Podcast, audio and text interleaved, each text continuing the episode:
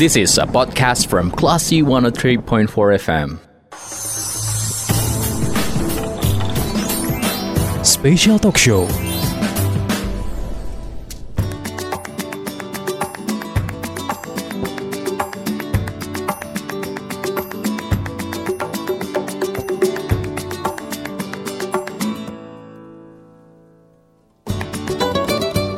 Bobi Karangputih Darung Padang, 103.4 Kelas FM, this is the actual radio. Assalamualaikum, Classy People, apa kabar Anda di hari ini? Semoga dalam kondisi yang baik, sehat walafiat, dan bisa beraktivitas sesuai dengan perencanaan Anda di hari ini. Nah, Classy People, pada tanggal 5 Juni lalu ya, kita memperingati Hari Lingkungan Hidup Sedunia. Jadi kalau kita bahas soal lingkungan, yang masih menjadi PR kita bersama, mungkin Anda bisa sama-sama lihat ya, di sekitar Anda, yaitu adalah permasalahan mengenai pengelolaan sampah. Baik itu kebiasaan dalam membuang sampah, mengelompokkan sampah, dan mengelola sampah tersebut. Nah, agar hal ini menjadi perhatian kita bersama, di hari ini dalam special talk show, kita akan mengangkat tema gerakan pengurangan sampah plastik dan pembagian tempat sampah di mobil. Nah, kita akan mendiskusikan hal ini bersama dengan Kepala Dinas Lingkungan Hidup Provinsi Sumatera Barat, ada Ibu Insinyur Siti Aisyah MSI. Assalamualaikum Ibu. Waalaikumsalam. Gimana kabarnya hari ini Bu? Sehat ya Bu ya? Alhamdulillah sehat. Alhamdulillah. Nah Bu, em, di kali ini kan kita mengangkat tema gerakan pengurangan sampah plastik dan pembagian tempat sampah di mobil. Nah concern kita kan di sini adalah masalah sampah ya Bu ya. Mungkin bisa dijelaskan dulu Bu saat ini gambaran kondisi dan keberadaan limbah sampah plastik khususnya di wilayah Sumatera Barat itu seperti apa? Baik, eh, mungkin Ibu akan jelaskan dulu ya tingkat pelayanan eh, pengolahan sampah, angkutan sampah di Sumatera Barat. Memang tingkat pelayanan kita itu baru 49 persen. Hmm, Sisanya itu adalah kegiatan eh, pengurangan dan sekitar 40% itu nggak jelas keberadaannya. Bisa itu dibuang ke sungai, hmm. ke laut atau ditimbun dan dibakar. Nah, itulah kondisi eh, pengolahan sampah di Sumatera Barat. Itu disebabkan juga karena keterbatasan kita.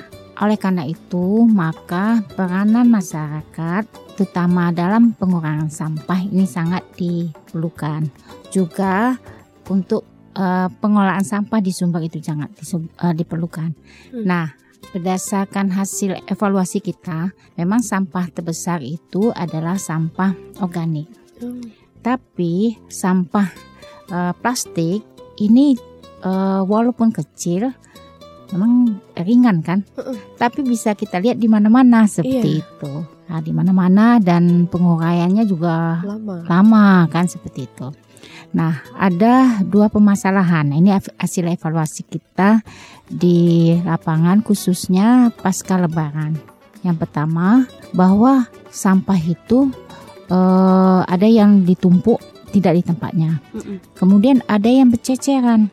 Nah, malah di kawasan-kawasan seperti kawasan cagar alam, seperti di Lembah Anai, itu kan banyak berceceran. Nah, kita nggak mungkin petugas kita mengumpulkan setiap saat.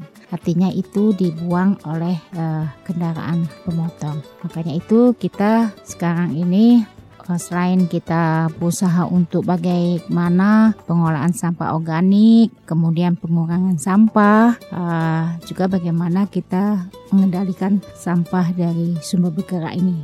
Seperti itu motivasi kita. Oh jadi itu latar belakang kenapa tema tahun ini tuh mengangkat em, semacam pembagian tempat sampah di mobil gitu ya, Ya, Bu ya. ya, Karena betul. memang kalau kita lihat di jalanan bahkan sepanjang pinggir di bahu jalan itu ada sampah-sampah plastik walaupun satu dua tapi itu panjang Ya. gitu ya Bu ya. Ya kalau kita lihat di Kota Padang mungkin yang jalan utama satu dua. Tapi Uh-uh. kalau kita arah ke Bukit Tinggi Iya. yang dekat eh, apa Mariana apa Bika Mariana Mm-mm. atau di belakang BIM itu sepanjang jalan. Iya. Itu seperti itu. Oke baik Bu. Ini menjadi concern tahun ini walaupun saat ini kita bahasnya pengendara mobil ya Bu ya, tapi tidak menutup kemungkinan ini juga masyarakat sekitar ya Bu ya. Ya masyarakat sekitar pelaku kita lah seperti itu. Oke baik Bu. Dan eh, menurut Ibu saat ini kalau melihat eh, pengelolaan sampah plastik yang udah ada gitu ya Bu ya, apakah sudah cukup efektif sebenarnya? Bu? Jadi kita ada kendala sebenarnya. Kenapa kita tidak bisa seperti di Surabaya ya? Hmm. Pertama, industri pengolahan sampah plastik apa dikatakan nggak ada di sini. Nah, kenapa nggak ada? Karena kalau ukuran jumlahnya itu sampah kita itu sedikit ya, Mm-mm. Nah, sedikit untuk mendirikan pengolahan pabrik sampah plastik.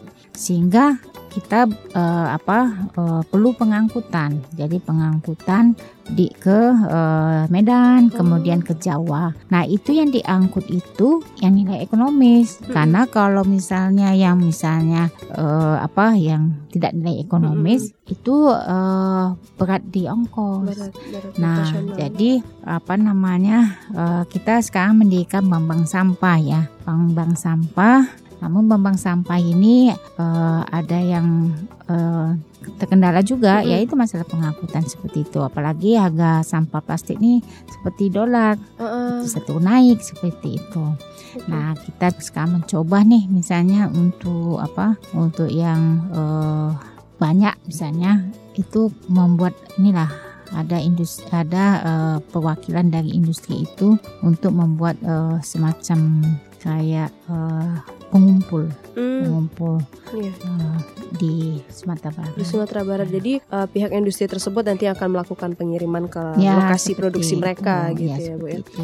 Oke. Di Tapi samping kita coba juga untuk mendaur ulang, mendaur ulang eh, membuat kerajinan, tapi itu memang eh, perlu upaya ya, karena eh, perlu keterampilan. Kalau Iya.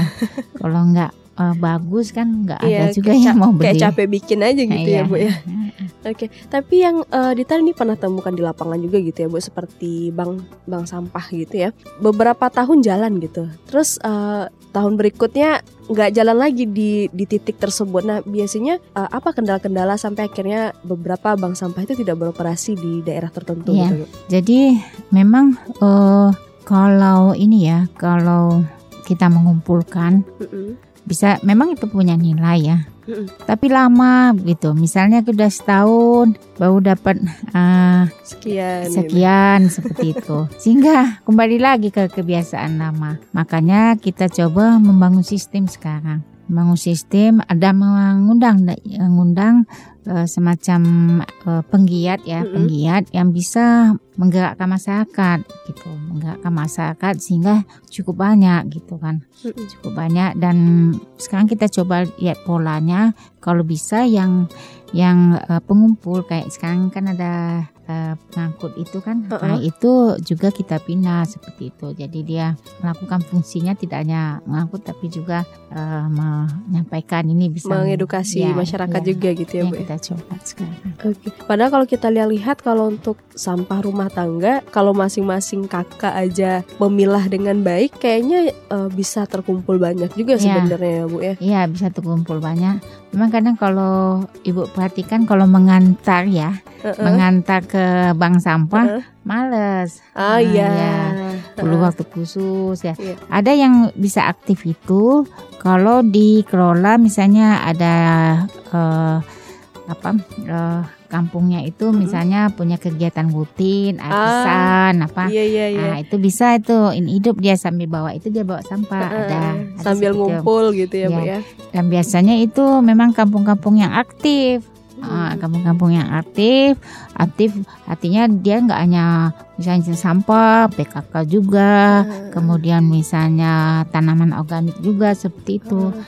sehingga itu bisa ini eh, bisa lebih eh, bergerak lah Lebih seperti bergerak. ini. Jadi ada peran perangkat desa juga sebenarnya bu Iya, ya keaktifan Ya, desa makanya makanya juga. kita sekarang ini fokus Pak Gubernur itu bagaimana pengolahan sampah skala nagari. Oh, iya, iya. skala negara kita juga ini berusaha yang sepertinya punya nilai ekonomis di apa di Sumatera Barat ini sesuai dengan kita kehidupan kita petani organik adalah sampah organik Mm-mm. organik jadi kita mendampingkan pengolahan sampah yang anorganik plastik dan sebagainya dengan sampah organik di Hmm. bank sampahnya berlaku dua itu kalau enggak itu eh, bisa nggak ketutupi Iya, seperti iya, iya. itu Nah, yang untuk kendaraan ini memang eh, kelihatannya kecil ya, Iya. tapi eh, sebenarnya mengganggu. Mm-mm. Misalnya Sangat, untuk eh, di daerah wisata yang tidak ada pakai khusus Mm-mm.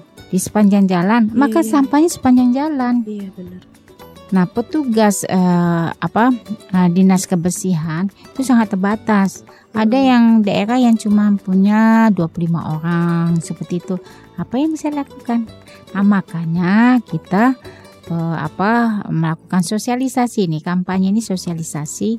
Tapi nanti ke depannya kita akan bekerja sama Mm-mm. dengan kepolisian dan perhubungan. Oh, Dan iya. ini bagian dari yang mungkin akan dicek dalam pemeriksaan selain P3K. Bi- Kan ada peraturannya kita harus punya P3K dan sebagainya. Seperti Oke. itu. Berarti em, ya ta- saya tangkap selain kita mengedukasi untuk menumbuhkan kesadaran dibutuhkan juga sebenarnya regulasi yang bisa Hmm. mengikat eh, masyarakat untuk tidak seenaknya gitu ya. Iya. Kadang kan em, kayak kita gitu di misalnya mobil yang di depan kita lihat padahal yang dibuang paling satu satu bungkusan snack gitu ya, tapi agak mengganggu gitu ya Bu ya Iya. dan itu terjadi di sepanjang bahu jalan gitu. Sebenarnya regulasi sudah ada sih Heeh. di aturan itu eh, di aturan kendaraan itu ada P3K ini jadi kadang di razia kalau di Jakarta kadang-kadang kita di razia tuh kan kalau mau mau cari kesalahan nah, mana P3K nah seperti Iya itu iya iya. Nah, makanya sebenarnya itu eh, sampah juga bagian dari itu. Hmm. Sampah juga bagian dari itu sehingga eh, dan kalau sampah itu sebenarnya ada juga sanksi pidananya. Ah, Sebenarnya gitu kan. Ah, yaitu yang mungkin kita selama ini belum apa belum menerapkan kan. belum menerapkan Ya. sehingga masyarakat eh, juga Hmm. belum tahu jadi. Coba kalau kita ke Singapura, kan Ih, nggak berani iya, kita. permen karet aja Iya. nggak berani buang bu Ya, nah itu sekarang kita sosialisasikan. Mungkin ada beberapa kali momen kita sosialisasikan ini, tapi tahun ke depannya enggak ini. Hmm, Ah, itu kita akan garap ini untuk eh, penegakan hukum lagi. oke emang eh, lebih dimasifkan gitu ya bu ya, Ya. penerapannya Kan gitu. ini edukasi masyarakat kita lakukan, Hmm. kemudian apa sosialisasi kita lakukan. Setelah itu kita ini terapkan. terapkan lah jadi Ya. di- udah dikasih tahu kalau udah Dikasih tahu malah dikasih tempat sampah, ah, kan ya kan? iya. Nah, walaupun mungkin nggak banyak ya, tapi itu cukup untuk memberitahu. Oh ini harus ada tempat sampah di kendaraan bermotor. Oke baik. Nah kelas people mungkin anda penasaran ya seperti apa nantinya mekanisme em, pihak dari DLH Sumbar dalam em, mensosialisasikan juga menerapkan yang tema kita tadi hari ini ya pembagian tempat sampah di mobil dan juga seperti apa program-program lainnya yang diupayakan oleh DLH Sumbar dalam menjaga lingkungan khususnya di Sumatera Barat. Tapi kita jeda sebentar kita akan kembali lagi setelah komersial break yang berikut ini. So keep in tune di 103.4 Kelas FM.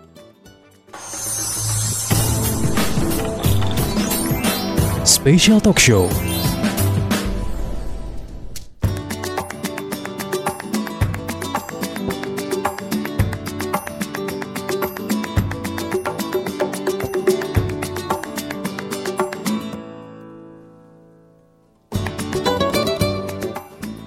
...103,4 Kelas FM This is the Actual Radio Kelas People, Anda masih mencermati spesial talk show di hari ini bersama saya Dita Indira dan juga ada Ibu Kepala Dinas DLH Sumatera Barat ya, ada Ibu Siti Aisyah MSI dan kita membahas tentang uh, pengurangan sampah plastik di Sumatera Barat dan juga dengan program terbarunya yaitu adalah pembagian tempat sampah di mobil. Jadi buat Anda nih yang uh, rutin mengendarai mobil, perhatikan lagi ya habit Anda dalam menjaga lingkungan.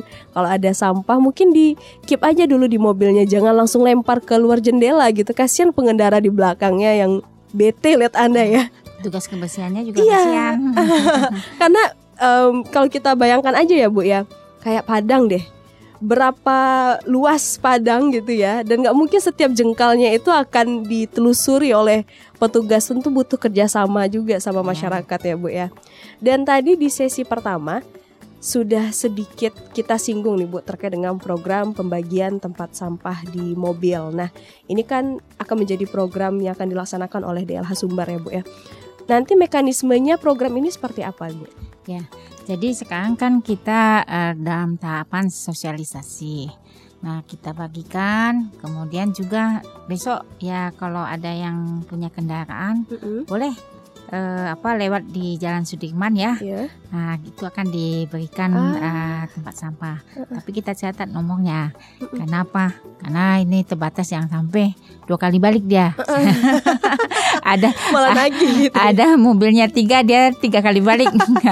Makanya kita catat. Nah, itu tidak dibatasi mobil apa saja boleh. Mm-mm. Nah, yang kedua setelah ini ada akan kita lakukan beberapa kali, mungkin di hari-hari besar juga atau di eh, momen-momen tertentu Mm-mm. kita akan eh, melakukan eh, kerjasama dengan dinas perhubungan. Mm-mm. Nah, yang ke depannya yaitu lagi kalau ada yang membuang, kemudian yang tidak mempunyai tempat sampah, Mm-mm. ketika dirazia ya mungkin kena tilang Oke. seperti itu. Nah, itu kita akan kerjasama dengan eh, polantas eh, masing-masing seperti itu. Oke. Berarti nantinya setelah ini selesai disosialisasikan akan diberlakukan eh, tindakan tegas gitu ya bagi Ya. yang tidak menjalankannya dan ini akan efektif berlaku direncanakan kapan Bu? Ya, sekarang eh, kita sosialisasi ya sampai akhir tahun. Nah, nanti mekanisme bagaimana itu nanti eh, kita eh, apa bicarakan dengan tiap, eh, pihak kepolisian dan perhubungan. Eh, mungkin tidak perlu dikasih tahu efektifnya ya, biar dari sekarang Iya, apa, iya. biar dari sekarang tidak membuang sampah. Nanti Oke, kalau efektifnya oke. dibilang eh, apa tahun depan, oh nggak Oh, apa, sekarang. Atau sekarang nggak apa-apa gitu. Iya. Tapi em, itu tandanya dengan berjalannya sosialisasi juga langsung diberlakukan gitu ya Bu ya. Jadi edukasi tetap dilakukan Ya. sambil jalan eh, diterapkan langsung gitu Ya. ya Bu. Ya, kita ya apa edukasi dulu lah, edukasi dulu. Sebenarnya kan eh, masing-masing kabupaten sudah punya perdanya, Mm-mm. sudah punya perdanya. Nah, kita juga mendorong kabupaten kota untuk eh, melaksanakan itu. Jadi dari sekarang pun sebenarnya sudah bisa diterapkan seperti itu, karena sudah ada perdanya, tidak boleh membuang sampah eh, sembarangan. Kalau ada malah dulu kan eh, ada yang eh, bisa melaporkan, kemudian bisa diberi pelaporannya itu eh, kepada Dinas Lingkungan Hidup Kabupaten dan Kota. Bahkan kan waktu itu eh, mau dikasih uang kan, ah, dia kan seperti itu. Cuman Hmm. ya mungkin ada masyarakat yang melaporkan seperti itu.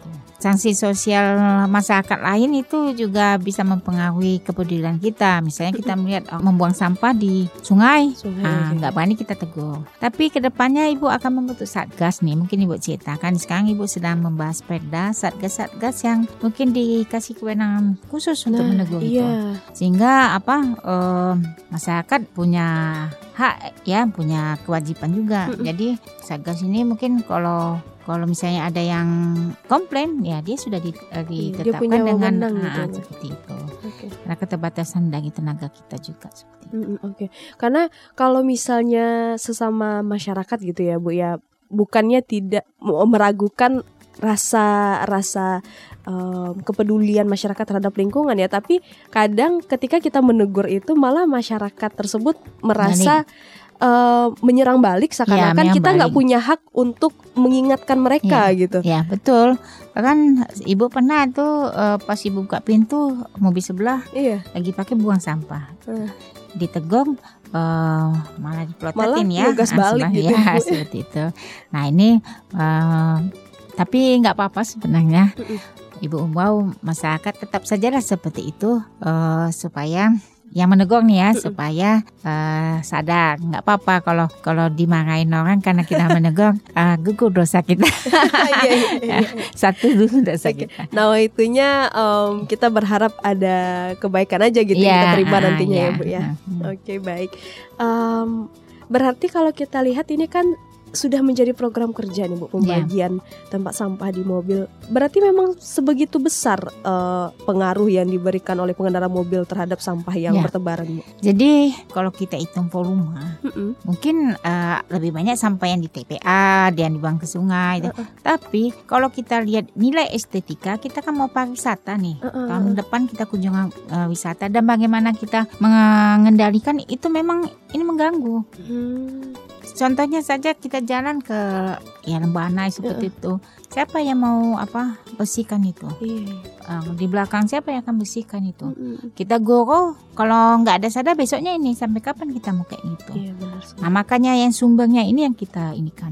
Sekecil apa pun itu eh, pengaruh eh ini jumlahnya Jumlah. itu tidak boleh dilakukan. Oke, berarti secara angka mungkin memang tidak eh, memberi kontribusi terhadap total sampah gitu ya Bu ya, Ya. tapi memberikan dampak terhadap eh, kondisi daerah sebenarnya Iya, gitu iya. ya Bu ya. Hmm. Dan itu mempengaruhi juga eh, apa ya pandangan wisatawan terhadap Iya, daerah iya. tersebut. gitu. Dan ketika hari Lebaran kemarin Mm-mm. itu termasuk yang di apa sering dilaporkan Ah. dari apa anak rantau yang yang pulang kampung. Iya iya iya. Justru anak rantau yang mengeluhkan kondisi Iya. itu ya Bu ya. Iya, seperti itu. Berarti sebenarnya kalau anak rantau yang banyak mengeluhkan berarti kan kita yang ada di sini sebenarnya yang Ya. tidak menjaga ya Bu. Eh, mungkin juga eh, seperti itu ya. Heeh. Eh, tapi juga kontribusi. Pokoknya yang Iya, penting iya. dari kendaraan itu. Mm, mm, mm. Kalau yang misalnya kayak di jalan-jalan itu, itu pasti dari kendaraan. Iya benar. Jalan-jalan yang nggak ada hutan, yang nggak ada ini, Uh-uh. kayak di Lembanai itu sepanjang itu pasti dari jalan. karena macet ya. Nah, buang sampah. Iya iya. Nah, sekarang kalau ada tong sampah kan disimpan dulu. Mm-mm, seperti itu. Iya. Oke baik Bu. Dan em, ini kan sedang diupayakan agar efektif berjalan ya Bu ya. Nah sebelumnya apa saja program kerja yang sudah dilakukan oleh DLH Sumbar dalam menjaga lingkungan di Sumbar khususnya terkait dengan pengelolaan sampah plastik ini Bu? Ya, eh, jadi selain dengan apa ya, dengan bank sampah, kita juga eh, mungkin kita bisa ke depannya aja ya. Mm-mm, Ke boleh. depannya kita ada beberapa program sebenarnya. Program kita itu sekarang mencoba untuk RDF eh, apa refuse derivative oil. Hmm. Jadi itu semacam kayak bahan bakar pengganti batu bara. Ah, Nah itu kita programkan itu sekarang ini di Kota Padang karena off takernya dekat nih semen Padang kan bisa ini uh, pengganti bahan batu, bara beberapa persen lah gitu bisa itu digantikan dengan bahan lain. Kemudian juga untuk PLTU PLTU seperti sawah lontong. Nah itu salah satu untuk menanggulangi sampah tumpukan sampah di TPA ya di TPA khususnya. Nah untuk apa? Untuk sampah plastik ini inilah yang menjadi kendala kita sekarang. Ah, bank sampah kita belum bisa berkembang dengan baik mm-mm. karena apa? Karena eh, jauh untuk membawanya dan hanya nilai-nilai ekonomis. Mm-mm. Kalau yang bungkus-bungkusan tuh enggak, enggak iya. Nah, enggak ada. Nah, kalau seandainya mungkin nanti ini eh, bisa eh, terbangun, mungkin itu bisa dikumpulkan juga sebagai apa eh, bahan gitu. Pengelolaan jenis lain gitu ya. Ya. Ya? Oke, Em, kalau kita lihat kayak tadi kan kendalanya adalah seperti bank sampah ini tidak maksimal gitu ya Bu ya. Misalnya karena masyarakat merasa jauh untuk mengantarkan. Terus juga balik ke masyarakatnya sebenarnya Bu. Kalau dari sistem sebenarnya masih ada nggak Bu yang jadi catatan untuk perlu dibenahi gitu, agar efektif? Eh apa? Sebenarnya memang satu-satunya itu adalah masyarakat memilah. Hmm, memilah kesadaran itu memilah. Mm-mm. Nah kita perlu eh, apa penggiat-penggiat di situ yang kerja di tangan-tangan kita yang memotivasi masyarakat dengan ya kita bentuk satgas tadi mm-mm. bentuk juga masyarakat pengelola tapi kita fokuskan nanti eh, nggak seluruhnya Mm-mm. jadi provinsi itu ada fokus fokus pada strategi sampah, lokasi strategi sampah yang perlu penanganan. Nanti kita minta kabupaten dan kota juga em, memfokuskan eh, tempat-tempat yang harus dilakukan pendampingan intensif. Karena apa? Karena masyarakat ini perlu contoh. iya benar Eh, kita harus ada yang eh, berhasil seperti itu. Mm-mm. Jangan menanggung-nanggung semua nah, seperti itu. Nah itu yang kita akan coba fokuskan ke depannya. karena lebih mudah untuk eh, meniru yang sudah ada dibanding Iya. eh, menjadi inisiatornya gitu ya Iya. Bu ya. Dan nantinya kan ini akan dibentuk eh, penggiat-penggiat yang memberi ke, apa ya memberi contoh kebiasaan untuk pengelolaan sampah nih Bu. Penggiat ini apakah akan bentukan oleh pihak eh, pemerintah atau bekerja sama dengan komunitas-komunitas yang sudah eh, concern dan punya perhatian khusus nih sama eh, lingkungan gitu Bu. Jadi kalau membentuk baru itu susah. Jadi yang sudah ada ini yang kita dorong. Jadi program kita sekarang em, atau program bantuan dan sebagainya kita nggak mu- mulai dari nol. Jadi ini lingkungan ini kan boleh eh, dan harus jadi apa perhatian semua pihak Mm-mm. ya. Bisa saja penggiat misalnya pertanian, uh, darwis dan sebagainya. Misalnya kelompok sungai kan ada tuh. Mm-mm. Itu kalau dia memang concern, kita akan uh, coba untuk kerjasama. Oke. Tentu juga harus bersama-sama masyarakat lokal. Mm-mm. Nanti capek dia. Iya iya. Nah, masyarakat lokal. Nah, ini akan kita atur dalam eh, perda kita. Nah, eh, sebelumnya kita sudah punya perda. Kalau provinsi ini kan sebenarnya tanggung jawabnya itu di TPA regional. Nah, kita sebagai pembina. Nah, sekarang kita sedang merevisi per- perda kita untuk eh, lebih global, termasuk pengurangan di sumber sebagai fungsi pembina. Nah, kita sekarang sedang menyusun dan kita sudah coba eh, apa menyampaikan gagasan ini kepada kabupaten dan kota. Karena pengendalian di sumber itu adalah kewenangan kabupaten dan kota. Nah, jadi jangan sampai itu justru jadi penolakan ya dari kabupaten dan kota. Oh, kenapa kok provinsi ada pula wilayah strategis provinsinya seperti itu. Hmm. Nah, ini kita akan atur di di Perda dan ini sudah kita eh, bahas sebelumnya. Berarti yang ditekankan di sini adalah kolaborasi dengan berbagai pihak yang ya, yang akan khususnya dikejar. dengan masyarakat dan kelompok-kelompok ini. Oke baik. Em, dan semoga ini efektif berjalan ya Bu ya. Karena kalau yang kita lihat di lapangan cukup banyak kok komunitas yang memang sebenarnya peduli dengan em, isu-isu eh, lingkungan seperti Hmm. sampah gitu ya. Bahkan ada yang punya apa semacam rutinitas mingguan untuk Hmm. melakukan em, gerakan pembersihan di lokasi tertentu gitu Hmm. gitu ya Bu ya. Dan Semoga ini juga menjadi langkah baru juga ya Bu ya supaya Hmm. tidak jalan masing-masing nih seakan-akan Ya, Em, kalau kita lihat sekarang kan komunitasnya ada, cuma mempertahankan eksistensi dari masing-masing komunitas saja, tidak bersinergi gitu ya, Bu ya. ya betul. Oke, baik. Dan kelas people tentu dalam upaya untuk mencapai em, atau mewujudkan lingkungan yang bersih dan juga yang kita harapkan lebih baik dari sebelumnya ini tidak bisa dilakukan oleh satu pihak, tentu butuh beberapa pihak yang saling bekerja sama dan stakeholder terkait lainnya. Dan terkait itu kita akan bahas di sesi berikutnya siapa saja nanti yang kita harapkan dan eh, mampu menjadi stakeholder dan menjadi pihak yang bekerja sama dalam mewujudkan lingkungan yang bersih dan juga sehat untuk Sumatera Barat. Kita akan kembali lagi, jangan ke mana-mana, keep in tune di 103.4 Kelas FM. Special Talk Show.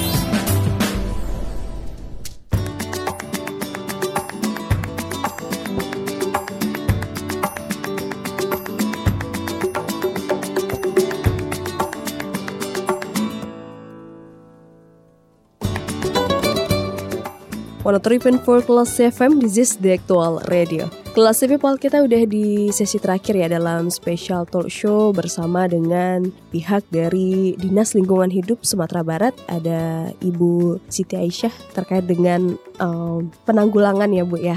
Upaya kita dalam mengurangi sampah plastik walaupun em, saat ini sumber bukan penyumbang angka sampah plastik yang besar ya Bu ya, tapi tentu kita tidak menginginkan em, ini akan menjadi terus bertambah kalau bisa berkurang gitu ya karena eh, mempengaruhi estetika eh, dari daerah kita juga nantinya ya Bu. Dan tadi kita sudah bahas apa saja program-program yang akan dicanangkan ya Bu seperti pembagian tempat sampah di mobil, terus juga em, kolaborasi dengan beberapa komunitas, pegiat-pegiat eh, yang menjaga lingkungan gitu ya Bu ya.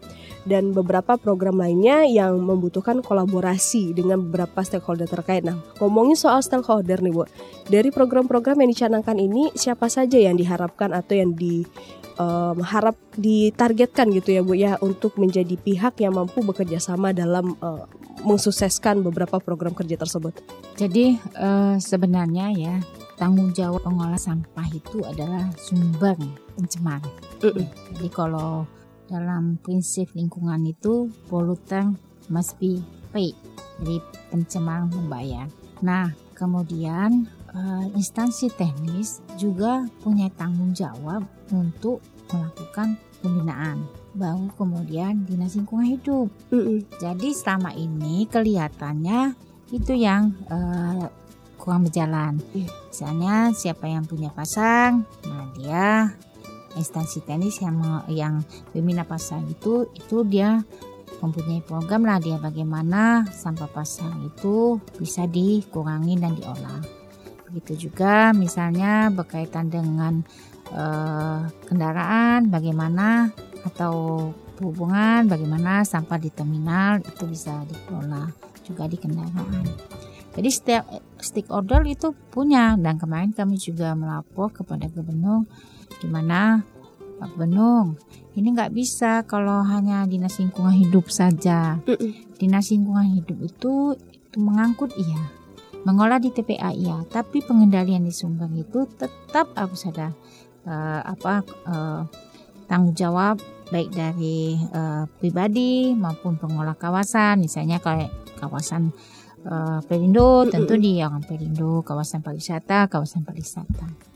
Itu satu. Jadi uh, apa seluruh stakeholder terlibat. Nah di samping itu dalam apa dalam uh, pelaksanaannya juga kita menggait perusahaan hmm. seperti sekarang kita menggait uh, semen padang. Nah semen padang uh, kita tahu bahwa apa ya peduli lingkungan ya perusahaan hijau. Nah kita berharap ini juga bisa membantu kita untuk mensosialisasikan Salah satunya dengan apa?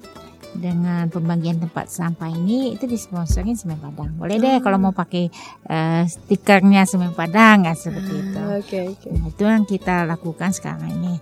Dan ada program-program lainnya juga seperti kita uh, memberikan tumbler itu juga kita bawa uh, apa PT Tita Investasi hmm. untuk pembagian tumbler.